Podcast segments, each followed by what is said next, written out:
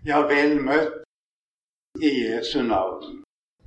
Skal vi, før vi går videre, fortsette å be sammen i Jesu navn?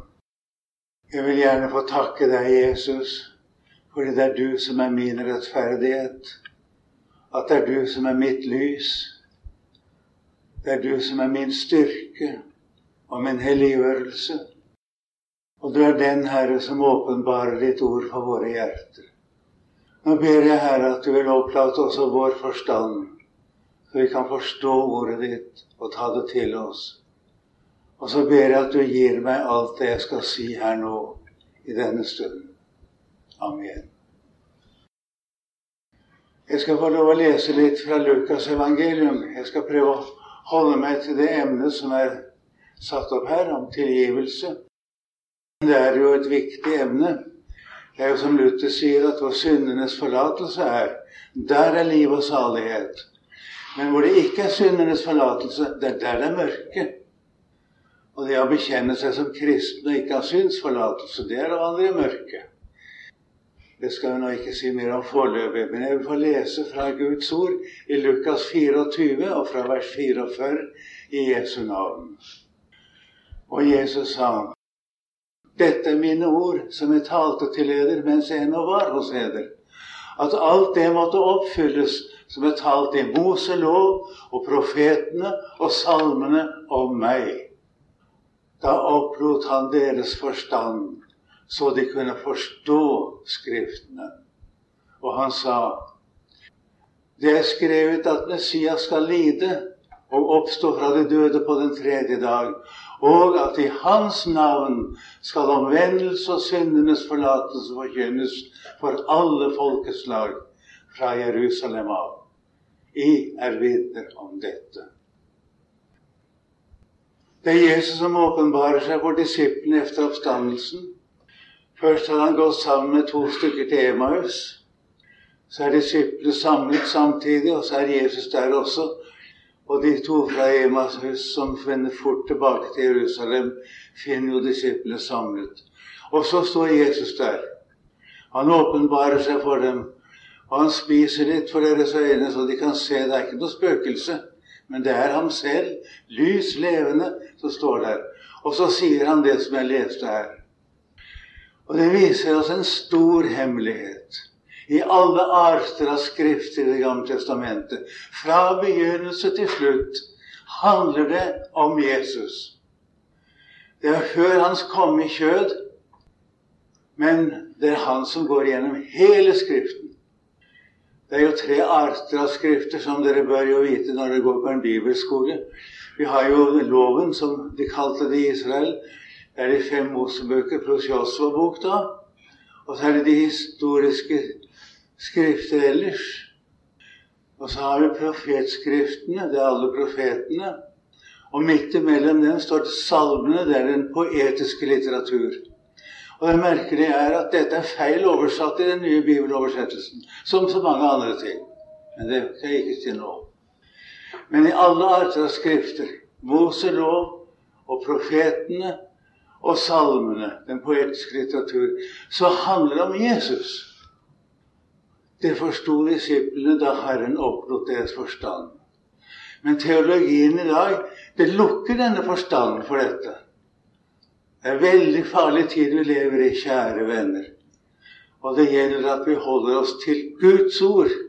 Altså til det som står skrevet, og ikke til tolkninger. Husk endelig på det. Nå sier Jesus noe her. Han måtte lide og dø han skulle oppstå på den tredje dag fra de døde. Og så er det skrevet at i hans navn skal omvendelse og syndenes forlatelse forkynnes. Nøyaktig står det det. Omvendelse til syndenes forlatelse. Forkynnes for alle folkeslag fra Jerusalem av. Det skal altså forkynnes i Jesu navn. Vi er ofte vant til å knytte syns syndenes forlatelse eller tilgivelsen til våre bekjennelser. Og i dag snakkes det veldig mye om det å bekjenne synder. Det er liksom oppe i tiden, det, å bekjenne. Men det kan jeg fortelle dere at det er mange som bekjenner synd uten å få tilgivelse. Det hjelper ingenting å bekjenne synd uten Jesus. Uten å eie den frelse som Jesus kjøpte oss på Golgata, og som ble klargjort og åpenbart for oss da Jesus sto opp fra de døde. At han er vår rettferdighet. Og han har med sitt blod kjøpt oss fri fra alle våre synder. Den som ikke har det, har ikke syndernes forlatelse. Jeg vil med det samme få lov å sitere et par andre ord. Vi har ved Efeserne 1, vers 7. I ham har vi, i hvem står det? Vi har syndernes forlatelse. I ham har vi forløsningen, står det. Forløsningen, altså frikjøpelsen fra våre synder. Syndernes forlatelse efter Hans nådes rikdom. Og så står det f.eks. i Apostlenes gjerning, kapittel 10 vers 43, at han, Jesus, gir alle profetene det vitnesbyrd at hver den som tror på ham, får syndernes forlatelse ved hans navn. Du ser i de ordene jeg har sitert her, at syndenes forlatelse hos Gud er knyttet til Jesu Kristi fullbrakte verk. Det er den som er kommet til troen på Jesus, som har syndenes forlatelse. Og det fra første øyeblikk han kommer til troen. Og det ordet vi ble minnet om nå i Johannes første brev, 1 og vers 9, det er skrevet til troende mennesker. Og slik ble det også anvendt den åpningen her, og det var jeg glad for. Det er mange som løsriver det ordet fra 1. Johannes og sier dersom vi bekjenner våre synder, ja, så tilgir Gud. Jeg kan jo bare gå tilbake til mitt eget liv. Jeg bekjente all synd som jeg visste om, både for Gud og mennesker. Jeg kunne ikke tenke meg å ha noe uoppgjort med noen. Men jeg hadde ikke syndenes forlatelse, og jeg var ikke frelst. Det ble annerledes den dagen Jesus ble åpenbart for mitt hjerte, og jeg fikk se forløsningen i Jesu blod. Da hadde jeg syndenes forlatelse. Og det er veldig viktig, og det vil jeg understreke for dere som går på en bibelskole, at en ikke taler om dette på en falsk måte, som det er helt alminnelig å gjøre i dag. Det grunnleggende for oss, det er Jesus. Og det er den som har Sønnen, som har livet. Og den som ikke har Guds sønn, han har ikke livet. Og der må det være klart, altså. Og det som syndenes forlatelse eller syndsbekjennelsen tjener til i vårt kristne liv, det er nettopp det som vi blir minnet om i åpningsandakten. Det skal ikke komme inn noe som vi skjuler. Komme inn noe som er Gud imot i vårt liv, og som vi ikke vil bekjenne. Da er det fare på ferde. Da kan vi havne i mørket igjen. Og du vet hva David sier i Salme 32 om det. Det er en læresalme for øvrig. Den er gitt til undervisning, den læresalmen. Da jeg tidde, altså ikke bekjente min synd, da lå din hånd tung på meg. Det er en indre, gnagende uro som ligger der både dag og natt når vi ikke vil bekjenne synd. Men så sier han jeg bekjente min synd for deg og skjulte ikke min skyld. Jeg sa, jeg vil bekjenne mine misgjerninger for Herren, og du tok bort min syndeskyld. Dette gjelder altså den som tror på Jesus. For å komme inn i dette forhold trenges det en virkelig omvendelse. Et menneske må omvende seg fra å være et verdslig menneske til Jesus. Kan ikke uten videre overgang, det, er ingen, det er ingen naturlig overgang fra å være et alminnelig, naturlig menneske til å bli en kristen, men det skjer ved en ny fødsel. Det gamle mennesket i oss kan ikke bli gudfryktig. Og det onde i oss kan ikke bli godt. Og de som er i kjødet, står i Romerne 8, de kan ikke tekkes Gud. Derfor må det et nytt liv til, og det har vi i Jesus. Det får vi ved syndenes forlatelse i Jesu blod. Det gjelder altså vårt forhold til Gud. Nå kan jeg ikke si så meget mer om dette, fordi jeg skal ikke bruke så lang tid her.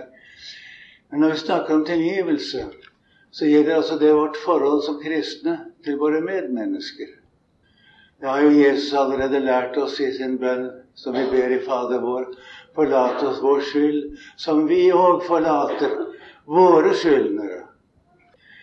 Det er svært viktig at vi som kristne aldri holder på en urett som er gjort imot oss.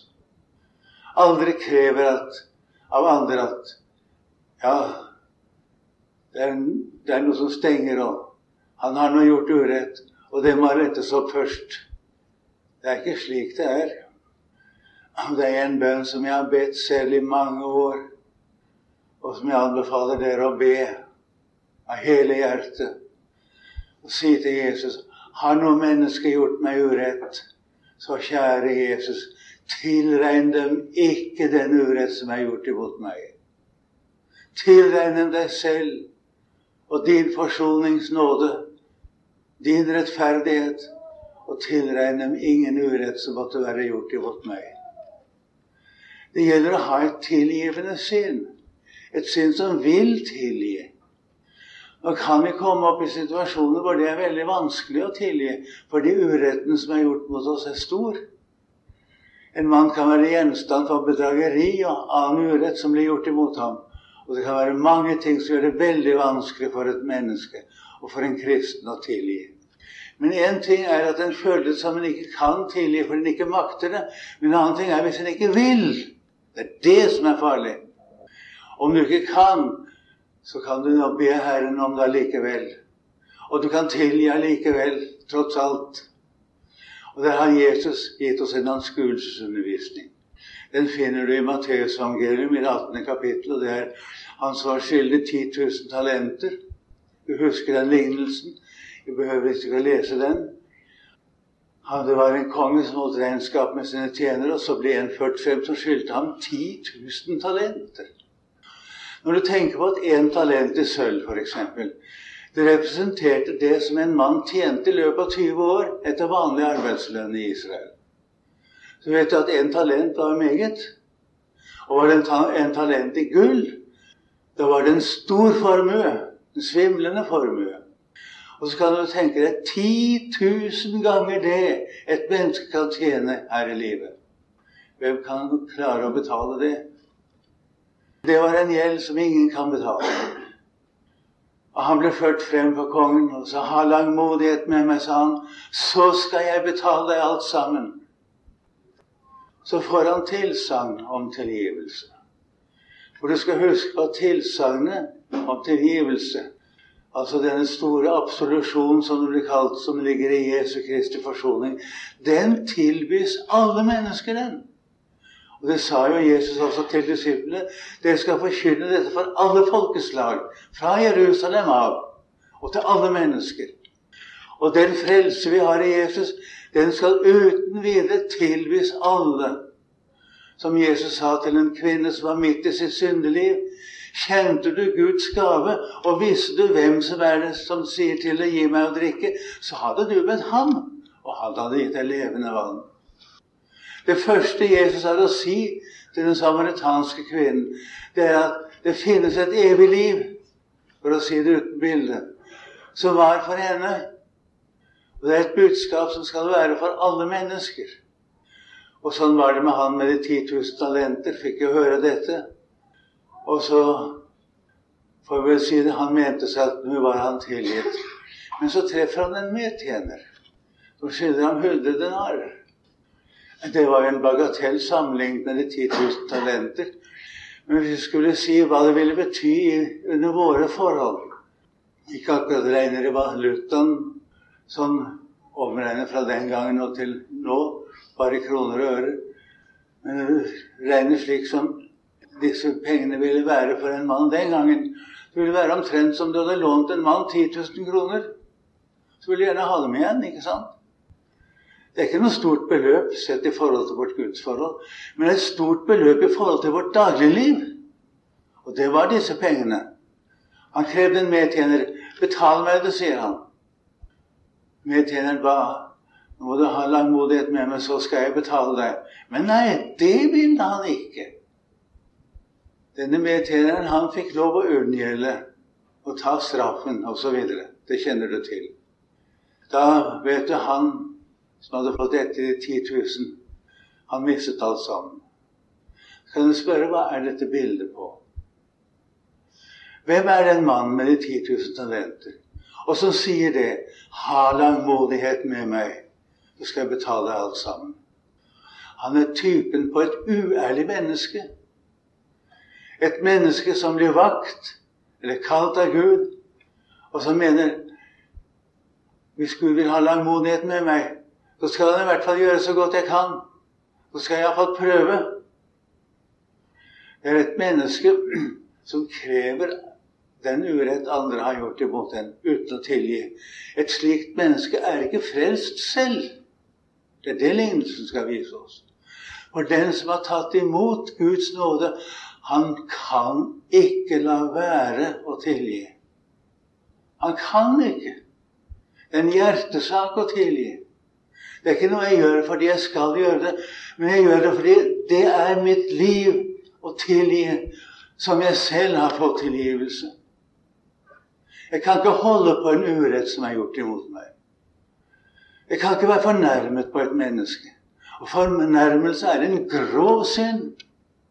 For det er rendyrket selvhevdelse. Det er jo mange som blir fornærmet bare de ikke blir valgt inn i et styre igjen. Kastet ut av styret, så er de fornærmet. Ja, da bør de iallfall ikke sitte i noe styre. Det er sikkert nok. Ren selvhevdelse.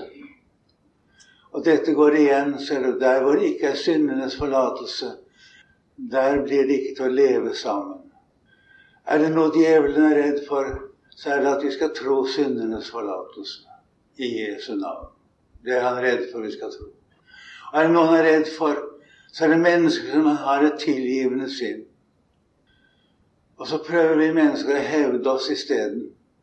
Kreve vår rett.